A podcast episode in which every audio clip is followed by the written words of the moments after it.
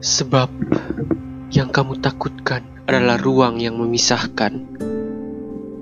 Tenang, ada angin yang memangkas jarak. Jadi, biar angin yang berbicara. Bertanya, apa kabar? Jika benar yang kamu takutkan adalah ruang yang memisahkan,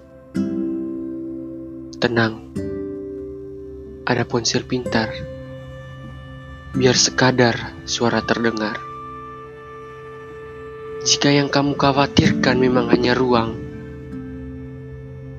maka jangan kamu ragukan tentang perasaan yang hilang perlahan-lahan.